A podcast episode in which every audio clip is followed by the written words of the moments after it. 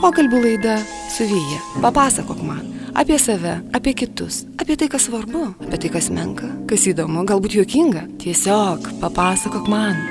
Pasikalbėsime su Vyja Valentukonyte Urbanavičiene. Apie tai, kokiems žygiams įkvėpia motinystės atostogos. Apie išleistą knygą ir kūrybinius sprendimus. Papasakok man. Pokalbiai su Vyja FM99 eteryje ir tinklalaidžių platformose. Draugiški pašnekesiai ir nepaprasti paprastų žmonių gyvenimai. Istorijos ir mintys apie tai, kas svarbu, kas įdomu, o galbūt juokinga. Naują pokalbį kas savaitę klausykite radio stoties FM99 kartojimo šeštadienį 7 vakare bei sekmadienį 2 popiet. Taip pat ieškokite tinklalaidžių platformose. Papasakok man. Laida iš dalies finansuojama spaudos, radio ir televizijos rėmimo fondo. Sveiki, FM99 klausytojai.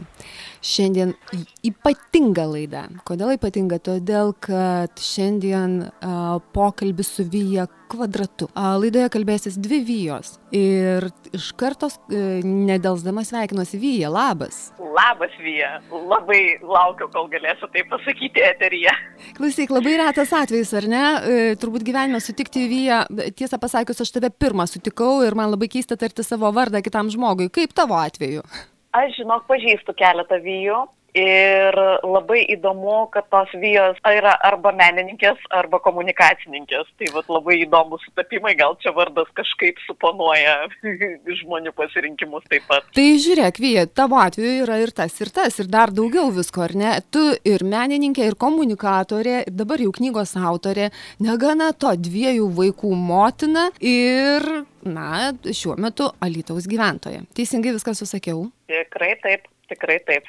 Vyja, papasakok man, kaip čia taip išeina, kaip toms moteriams, kai kurioms nutinka, kad išėję motinystės atostogų imasi didelių darbų ir padaro tokius tikrai grandiozinius darbus, kaip pavyzdžiui knygos autorystė. Papasakok, kas per knygą ir kas tave įkvėpė atostogaujant, motinystės atostogose ją parašyti? Taip, iš tikrųjų tai atrodo, kad motinystės atostogos, tai va čia sėdėsiu namie, turėsiu daug laisvo laiko, galėsiu daug dalykų padaryti, bet, nu, kaip žinia, kai nutinka vaikai, tai nutinka ir dar daug, daug dalykų, kurie atima labai daug laiko, būtent jų priežiūra, tai, tai tikrai atostogomis to nepavadinčiau, bet ko gero, kas atsiranda su vaikais, tai kad jie įkvėpia ir kitiem dalykam ir tada tu supranti, kad, nu, galbūt tai, ką tu darai savo darbe, ar tai, ką darai nu, kažkur kitur, tai yra, nu, yra svarbu to mėgautis, yra svarbu save realizuoti, yra svarbu ieškoti laimės čia ir dabar, o ne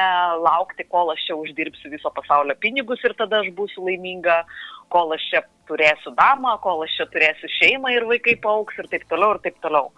Tai žodžiu, ką vaikai parodo, tai gyventi čia, imti galimybės čia ir daryti tuos dalykus čia ir dabar. Tai negaliu pasakyti, kad buvo labai lengva man tą knygą parašyti, nes iš tikrųjų teko plėšti laiką ir nu, tiesiog daryti tai, kai vaikai miega, daryti tai, kai yra kažkokia pagalba.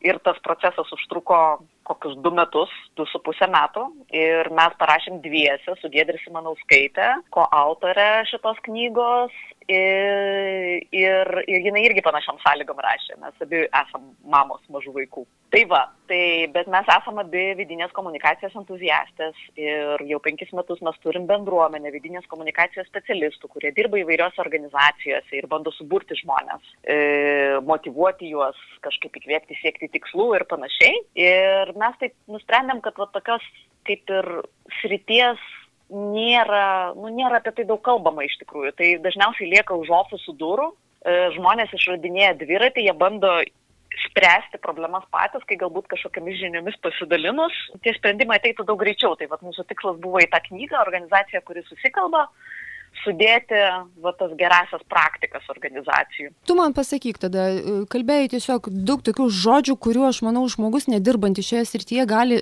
tiesiog pasakyti daug žodžių, kurių gali nesuprasti.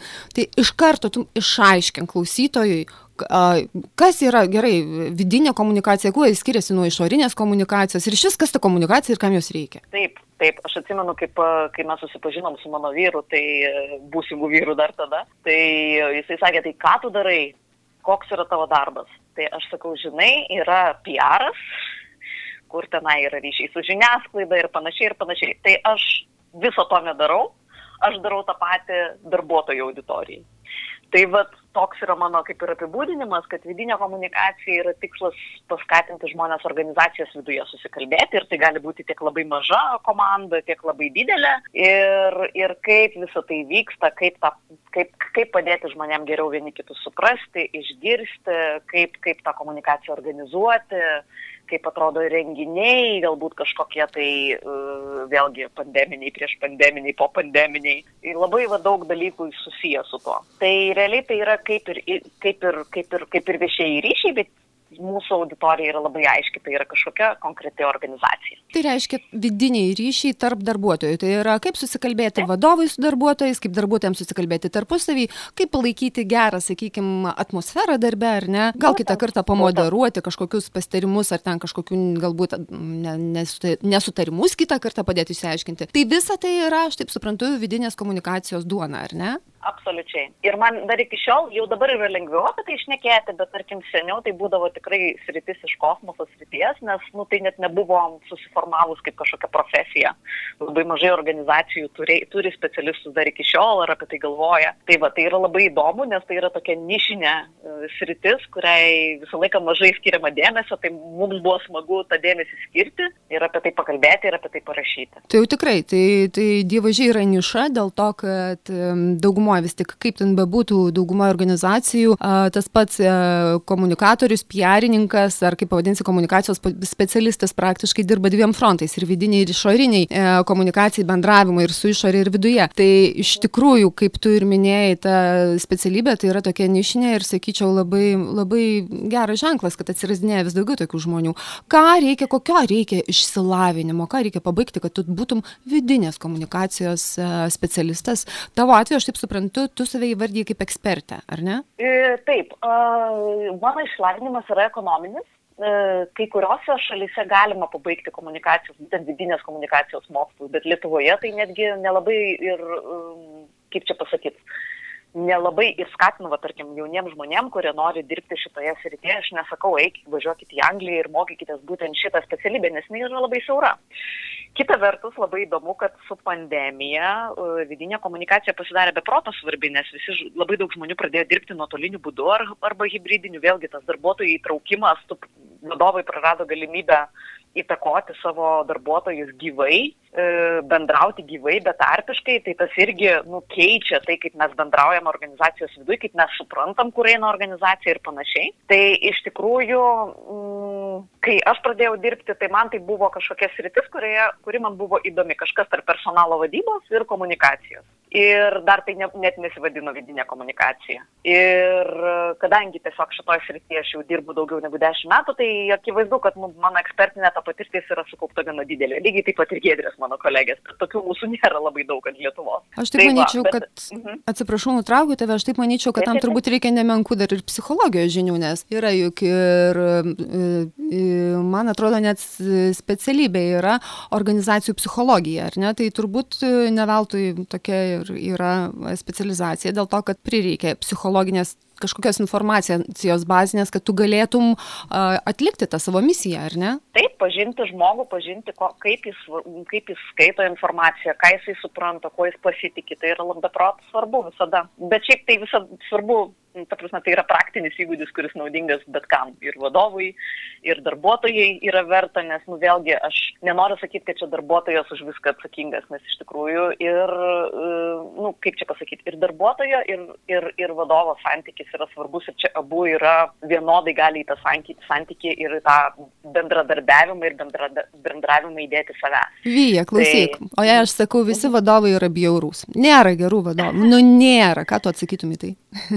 nu žinok, man tai pasisekė, mano visi vadovai buvo nerealūs, kiek aš esu turėjus. Man tai, tai irgi pasisekė. Tikrai gerai. Man irgi pasisekė, aš turiu, vat, pas mane yra du vadovai ir, ir jie yra nerealūs, sakykime. Bet tu girdėjus tokių išsireiškimų ir gana turbūt e, neretai pasitaiko. Nu, vat, vat, viršininkas nebus geras žmogus, ar ne? Tai ką tu atsakytum tokiam darbuotojui? Nu, aš tai Geras klausimas, žinok. E, iš tikrųjų, nuostatas yra vienas iš tų dalykų, kai aš ateinu su nusiteikimu, kad e, aš ateinu į darbą atidirbti, gauti atlyginimą, čia viskas yra šiaip blogai, aš tik ateinu atsėdėti savo valandų ir pasiimti pinigus, tai tada, nu, kaip čia pasakyti, mm, gali būti, kad taip ir bus, nes tiesiog tu neinvestuosi į tą santykį, į tą kažkokį susikalbėjimą ir panašiai lygiai taip pat gali vykti ir iš viršininko pusės, kaip tu pasakėjai, viršininkas tas žodis toksai. Tai va, tai, tai man atrodo, kad čia labai priklauso nuo to, ką mes norim pasimti. Ir, ir, ir, ir man asmeniškai tai svarbu, visada buvo svarbu, kur aš dirbu, kokio aš aplinkoje dirbu, ar tai yra motivuojanti aplinka ar ne. Netgi kartais pinigai nebūdavo svarbi. Aš esu daug dirbus visuomeninio darbo vien dėl to, kad man teko dirbti su tikrai įkvepiančiais žmonėmis. Esu dirbus nemažai savanoriškų valandų skyrus visuomeninėse organizacijose. Tai, nu, vad vėlgi, kiekvienas, kiekvienas žmogus ieško savų dalykų ir vėlgi, ko tu ieškai, tai tą ir randi galiausiai. Tai jeigu tu esi su nuostata, kad tavo vadovas vis tiek nėra geras, tai tu tą ir gausi. O sakyk, sakyk tu man, pavyzdžiui, paprasčiausias būdas motivuoti darbuotojus. Nu, kas gali būti? Mes jau turbūt visi seniai esam girdėję, kad žinome, kad, na, pinigai nėra didžiausias motyvas, ar ne? Paprasčiausia kažkoks, nežinau, būdas, kad, nu, matosi, kad jau žmonės prarazinėja, sakykime, motivaciją ir ta pati pandemija irgi šiuo metu labai veikia. Ką turėtų mhm. vadovas tavo manimu tokio, vat, sprakt pirštais ir kaip pamotivuoti? Man atrodo, kas yra sunkiausia dabar.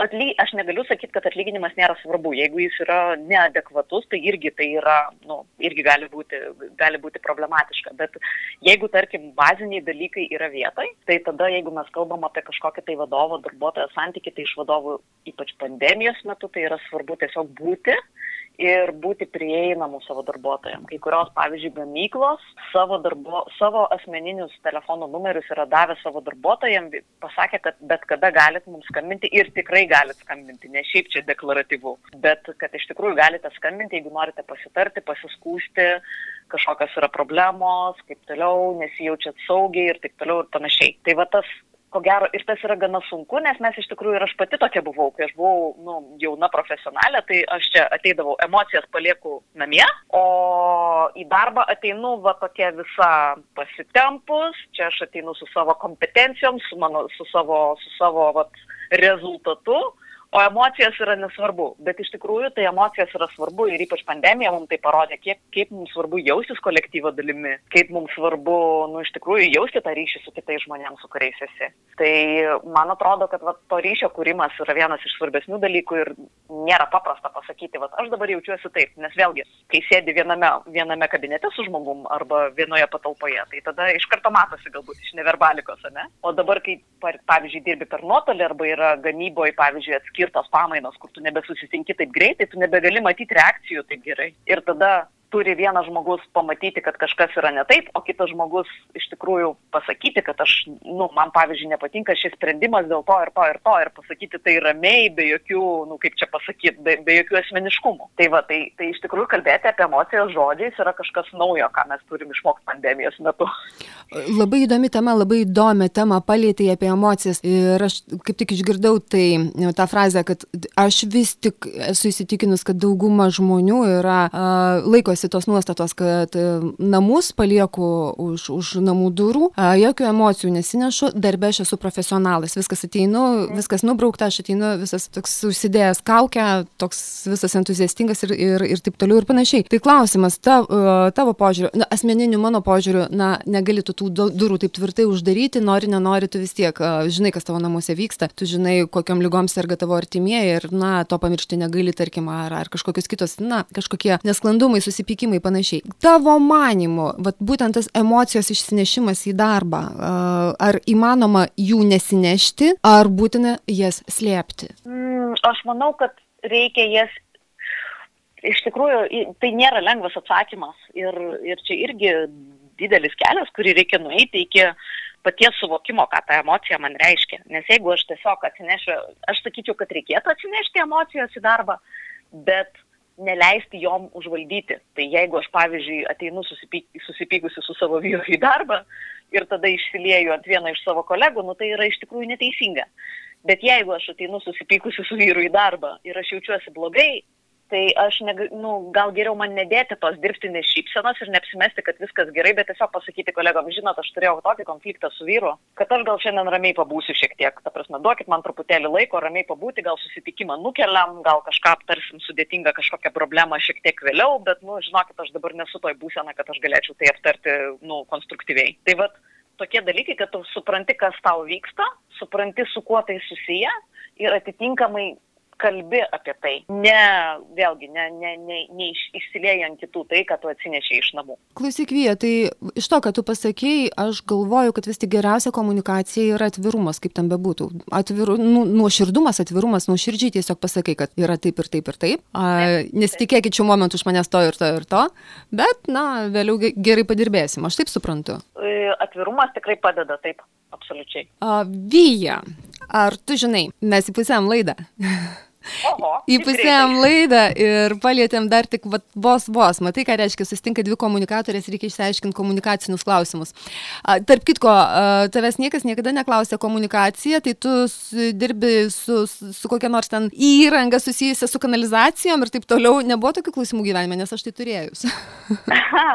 Na, iš tikrųjų, kadangi mano viena iš darbovičių buvo ir, e, yra, buvo ir yra telija, tai, tai yra truputėlį susijęs su įranga, su telefonais. A, nu viskas tai... aišku. Su komunikacijom būto. E, viskas aišku, gerai, tada Vija, per trukėlę muzikos ir grįšim po jos. Gerai. Pokalbų laida su Vyja. Papasakok man apie save, apie kitus, apie tai, kas svarbu, apie tai, kas menka, kas įdomu, galbūt juokinga. Tiesiog Papasakok man. Ar tau netenka savo vardą pakartoti po du kartus ir paskui, kad žmogui būtų aiškiau, sakai, na, kaip pinavyje? Absoliučiai. Labai dažnai iš tikrųjų, nes būna paprastai Vilija, Viktorija, čia trumpinys, čia kas. Taip, taip, taip, taip. Ir paskui paaiškina, na, Vyja, Vyja, kaip pinavyje. labai lengva. Ir tada dar pridedu labai lengva prisiminti. Taip, taip. ir tada tikrai visi prisimena. Velneva, matai, kokios patirtys panašios. Klausyk, Vyja, tavo taip, taip. požiūris, pavyzdžiui, į menus. Man labai įdomu, kartai žmonės, kurie būna, na, profesionalai ir, ir atostogų metu ir darbo metu jie tiek užsikaifuoja savo darbe ir savo pašaukime, tarkim, kaip tavo atveju komunikacija, ir ne, kad pamiršta, kad aplinkui yra dar kažko. Tai sakyk tu man, va, tavo požiūris, ką tu dar mėgsti veikti, koks tu žmogus esi, papasakok apie save dabar. Taip, tai iš tikrųjų, ką aš dar mėgstu veikti, tai aš nuo vaikystės, kiek save prisimenu, piešiu. Ir iš tikrųjų aš iki 11 klasės tai sakiau, kad aš tikrai stosiu tik į dailės akademiją, aš jau čia ruošiausi, kaip čia pasakyti, lankyti kursus ir ten stoti ir, žodžiu, viską tą daryti. Uh, bet e, kadangi mokiausi gerai ir iš tikrųjų, kaip čia pasakyti, pragmatiškoji pusė paėmė viršų. Atsiprašau, labai gerai. specialybė. Per gerai, kad būti menininkė, ar ne? Atsiprašau, nu, nutraukiau. bet... per gerai, kad būti, šiaip dalinai tai tikrai taip. Ir, nu, kita vertus, tai vis tiek mes augom, nu, bent jau mano aplinkoje, vėlgi tėvų, tai tėvų auklėjimas ir daug dalykų įtakojo tai, kad, nu, reikia praktiškos specialybės, reikia ne, ne meniškos, kūrybiškos, bet reikia turėti praktišką specialybę, kuri užtikrintų tau, kaip sakant, Duona. pagrindą po kojom ir panašiai. Mm. Tai va, ir galbūt mano pačios asmeninio tokio tikėjimo nebuvo nu, kažkokiu tai talentu, ar kad aš čia tikrai padarysiu kažkokį tai proveržį. Dabar aš galvoju, gal aš ir padaryčiau, bet e, iš esmės aš labai nesigailiu, kad aš nestoju į tą dailės akademiją, nes menininkė galiu būti ir taip. Ir iš tikrųjų dailės mokykloje, va, kai lankiau dailės mokyklą Vilniuje, tai irgi taip, kai mes baiginėjom, tai sakė, jūs neužsiciklinkite ant to, kad stoti ir studijuoti menus, nes menininkais jūs galite būti ir taip.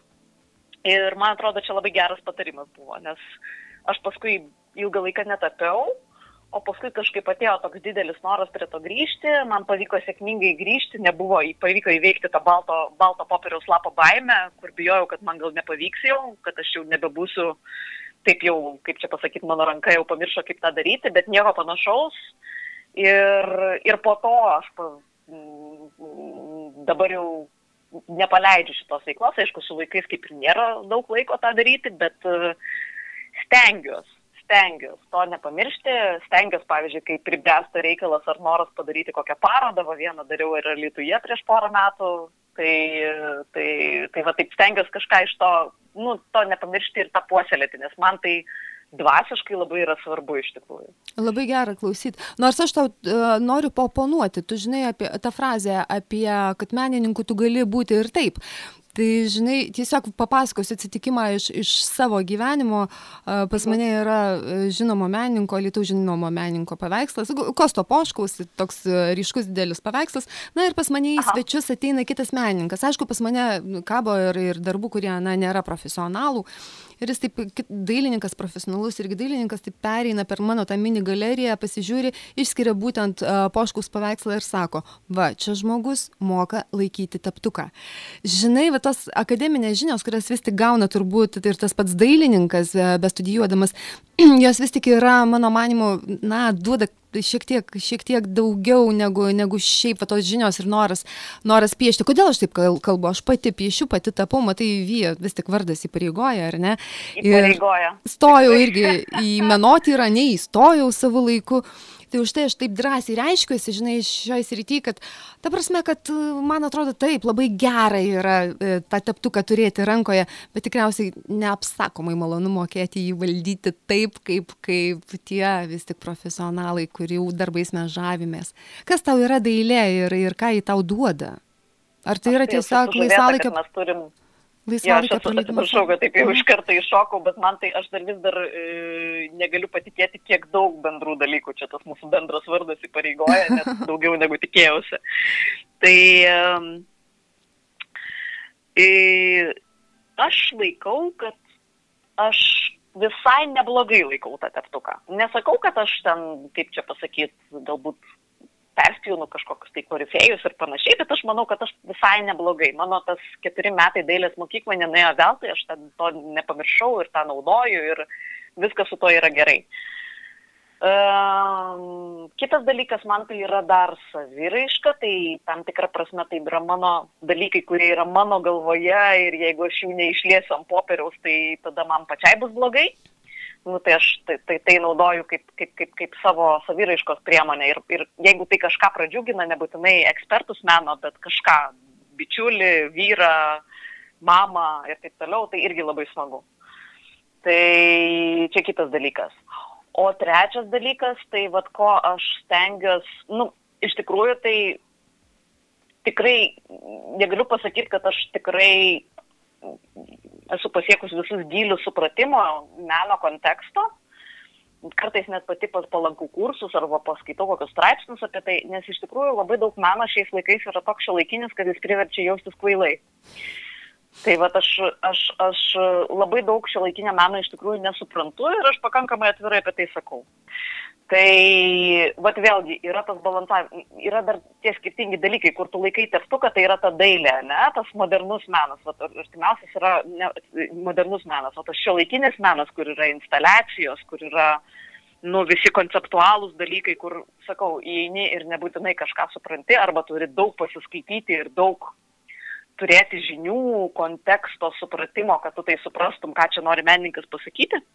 Nu, tai va toks yra balansavimas tarp technikos ir jos išmanimo, ką aš manau, kad darau visai neblogai, ir idėjos ir gebėjimo ją išreikšti. Ir gebėjimo ją išreikšti taip, kad ją suprastų paprastesnis žmogus, negu kad žmogus, kuris labai nuolat domisi dailę.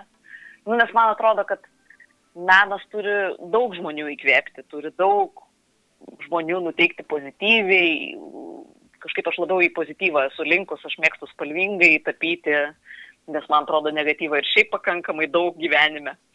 Tai va, tai iš tikrųjų tai išlaisvina. Aš tikiu, kad jeigu aš, dailę, jeigu aš būčiau pabaigus Dailės akademiją, tai aš kalbėčiau kitaip, bet, bet kadangi aš tenai nesu ir man atrodo, man, mano dabartinis kelias man, mane visai džiugina šiuo metu. Tai aš taip suprantu, sakyčiau, gal paprastai vienu žodžiu galėčiau įvardyti tavo požiūrį į dailę. Dailė tau yra estetika.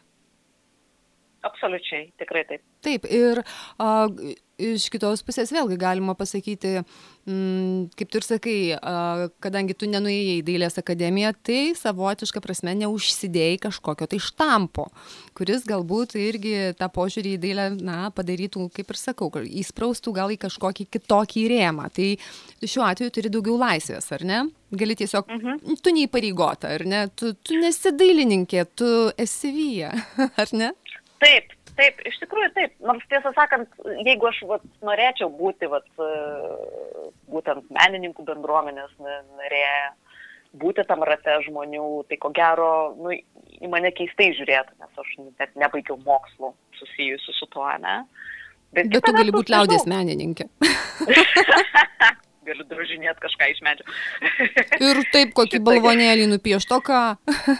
drąsiai, drąsiai. Bet šiaip tai, va, atsimenu, kai atidarinėjau, va čia Lietuvos teatre mano parodos atidarimas buvo, tai va Lietuvos naujienų, naujienų toks atvartas buvo ir buvo e, kaip tik tuo metu irgi buvo kitas atidarimas uh, tam kultūros centre būtent menininkų bendruomenės, nebeatsimenu jau koks, ir buvo mano parodos atidarimas, tai žodžiu, viskas buvo viename lape.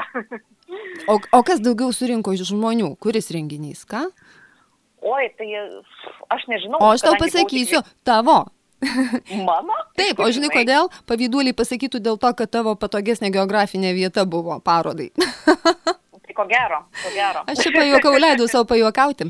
O, bet Vyja, dar noriu paklausti, tai jeigu iš esmės dabar žmogus, tiesiog žmogus, nu gerai, tai jį piešia, tai ką tu pieši? Kokios tavo temos? Supratau pozityvas, bet kas tai dažniausia? Tai a, abstrakcijos, galų galia koks stilius, tai, tai kažkas susijęs su galbūt su motinystė, su vaikais, su gėlėm, su kuo. Ką tu pieši? Aha, kažkaip motinystė nelabai atsispindi pas mane kūryboje, bet šiaip uh, mano tas sugrįžimas į dailę tai atėjo per fraktalinį piešimą. Fraktalinis piešimas tai yra šiaip tokia biški meditacinė technika, tokia Brigita uh, Paulauskinė, tai ten veda kursus apie tai ir tai yra, nu, tokia, kaip čia pasakyti, savęs pažinimo daugiau forma.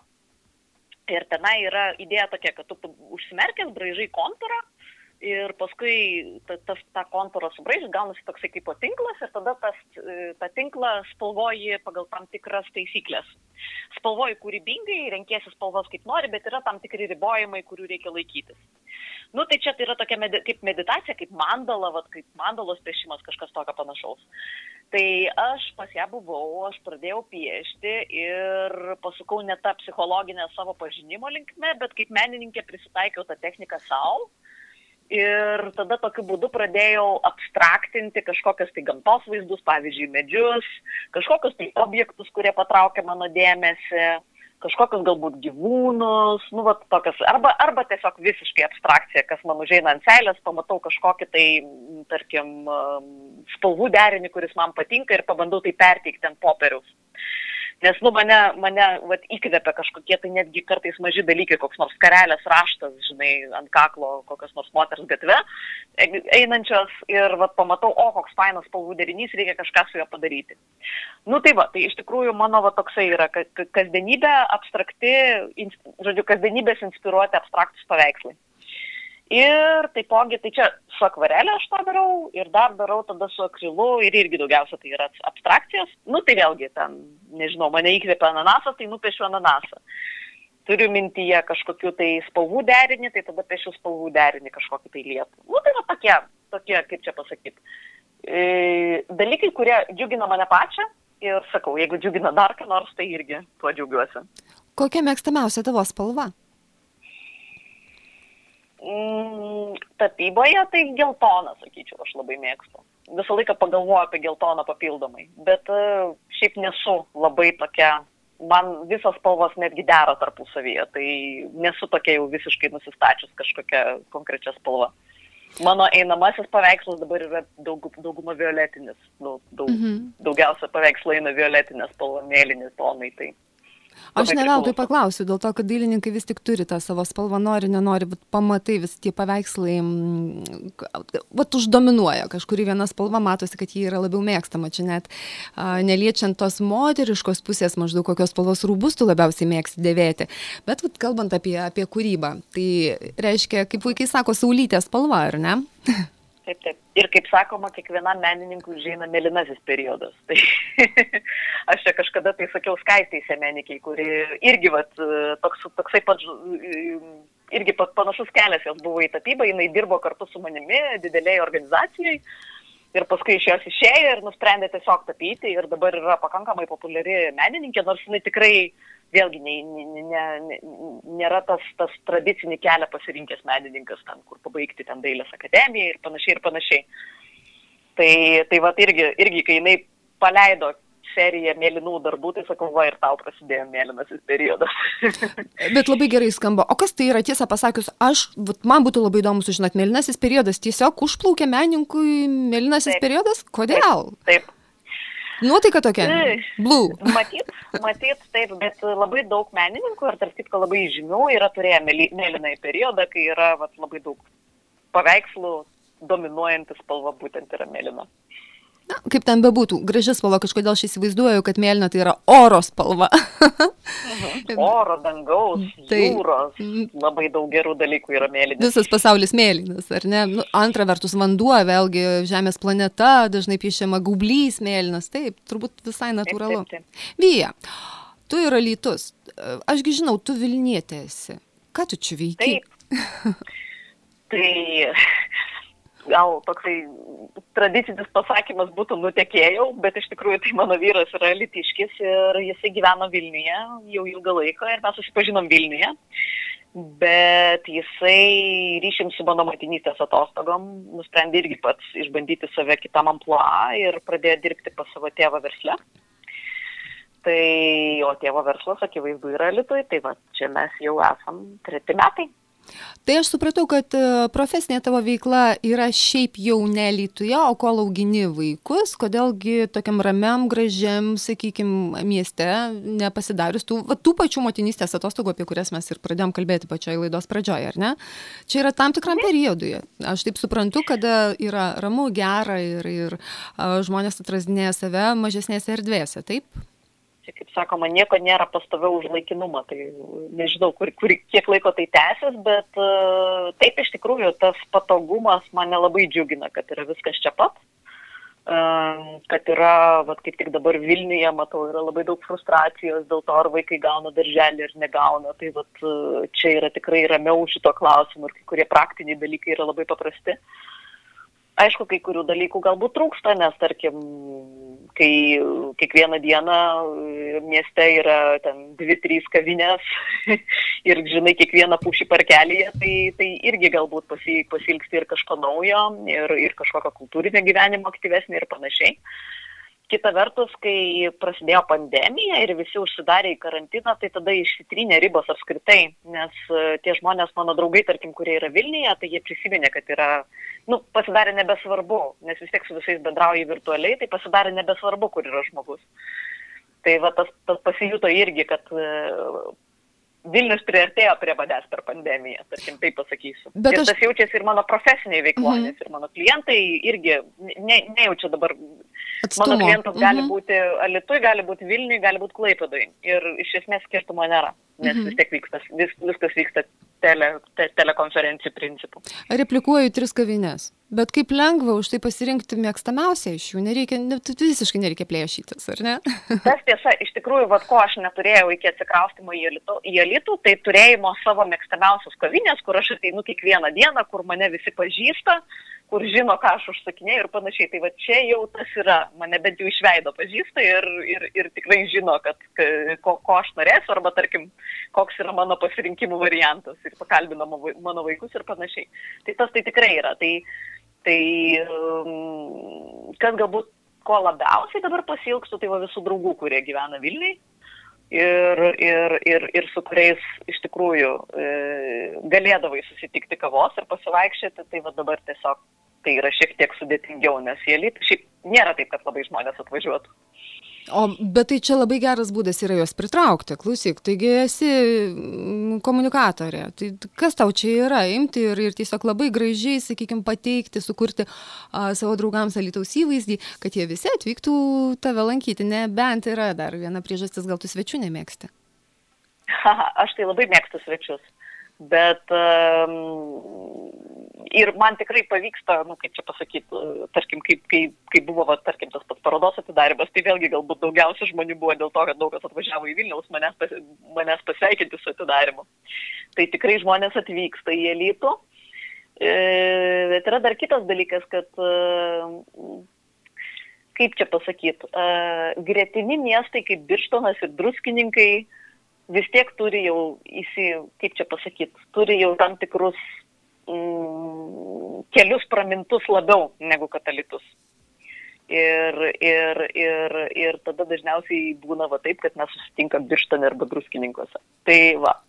Tai, tai aš tikiu, kad, ta prasme, Alitus tikrai turi ką pasiūlyti, tikrai yra čia ką veikti, bet tiesiog tai būna dažniausiai, labai dažnai tai būna arba specialiai mano kvietimu atvykimas, arba tai būna, jeigu kas nors važiuoja į Lenkiją ir tada Lietuvos būna labai pakeliui.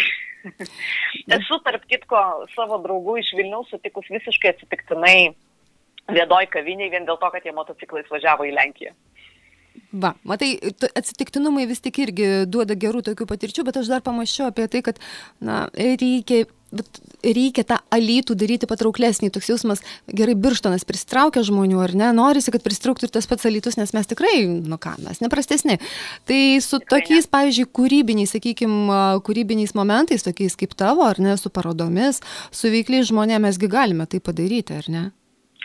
Nu tai va, yra labai didelė galimybė kitais metais Alitus kultūros sostinė, mhm. visa kita, jeigu pavyks nuskambėti visos Lietuvos mastu, tai tikrai, tikrai čia bus vienas iš traukos centrų, nes tikrai, nu, kiekvien, kaip ir kiekvienas miestas, Alitus tikrai turi ką parodyti ir mes netgi, nu, netgi matosi, kokie dalykai yra labai išskirtiniai, čia vat, mes kalbėjom su alitiškiais, kad vieninteliai alitiškiai alitų vadina alituku ir taip vat visi turi tą tokį bendruomenės jausmą, tą tokį, nu nėra jokio kito miesto, kur žmonės vat taip mažybiškai ir taip gerai atsilieptų ir tu tą turi tu, tokį ryšį tarp savo žmonių, nesvarbu, kur jie yra. Gali ir Londone gyventi, ar ten kažkur tai visai kit, kitam pasaulio krašte, bet jie jaučia tą ryšį su savo miestu. Ir tai, svarbiausia... tai nemanau, kad kiekvienas miestas tą turi. Taip, taip, ir aš tiesą pasakius, tu man, kai pasakė apie lytuką, aš irgi lygiai taip pat lytuku vadinu tada, kai a, aš kur bebūčiau, kokia mieste bebūčiau, aš atsimenu savo studiją, sakykime, ar ne, ir kai tu pakliuvina į, į kitą miestą, kitą kartą praleidai daugiau laiko kitoje valstybėje, Velneva, aš tiek myliu tą alytų, kad aš visada noriu jį grįžti.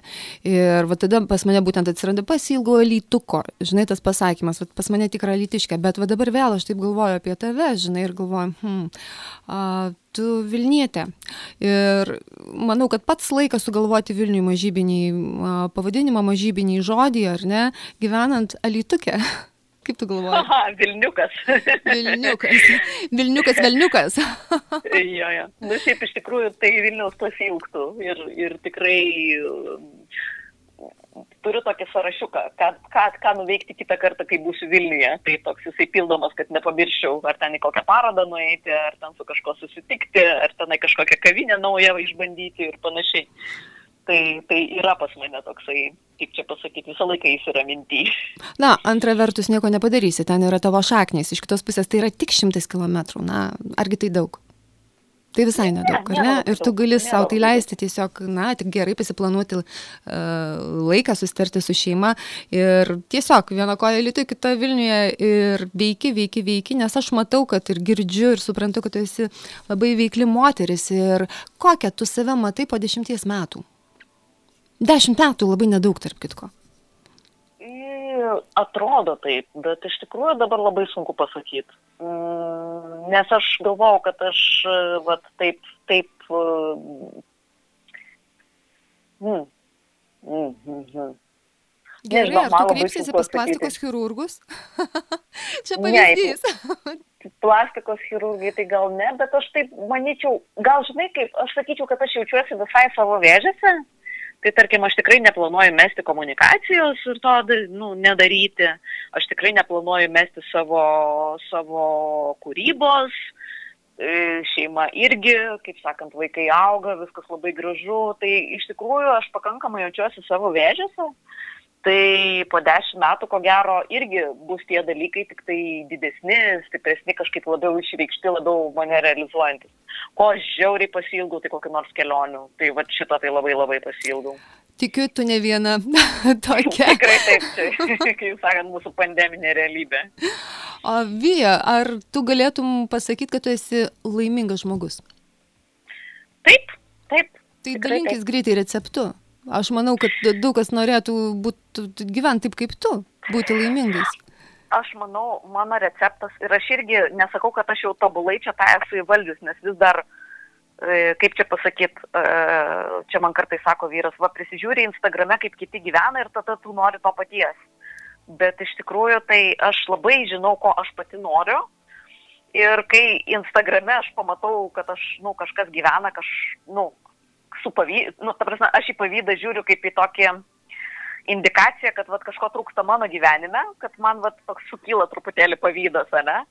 Tai uh, man atrodo, vat, mano receptas ir yra suprasti, kas tau pačiam yra svarbu, kas yra, nu, bet, bet iš tikrųjų svarbu, ne kitų primesta, ne aš manau, ne socialinės normos sako, kad yra gerai, ne kažkokie racionalūs argumentai, bet vat, prisikasti prie tos savo esmės, kas yra svarbu, be ko tu negali gyventi, tą išreikšti, būti atviram savo ir, ir kitiem ir, ir pagal tai kurti savo gyvenimą, kad ir mažais, kad ir mažais žingsniais.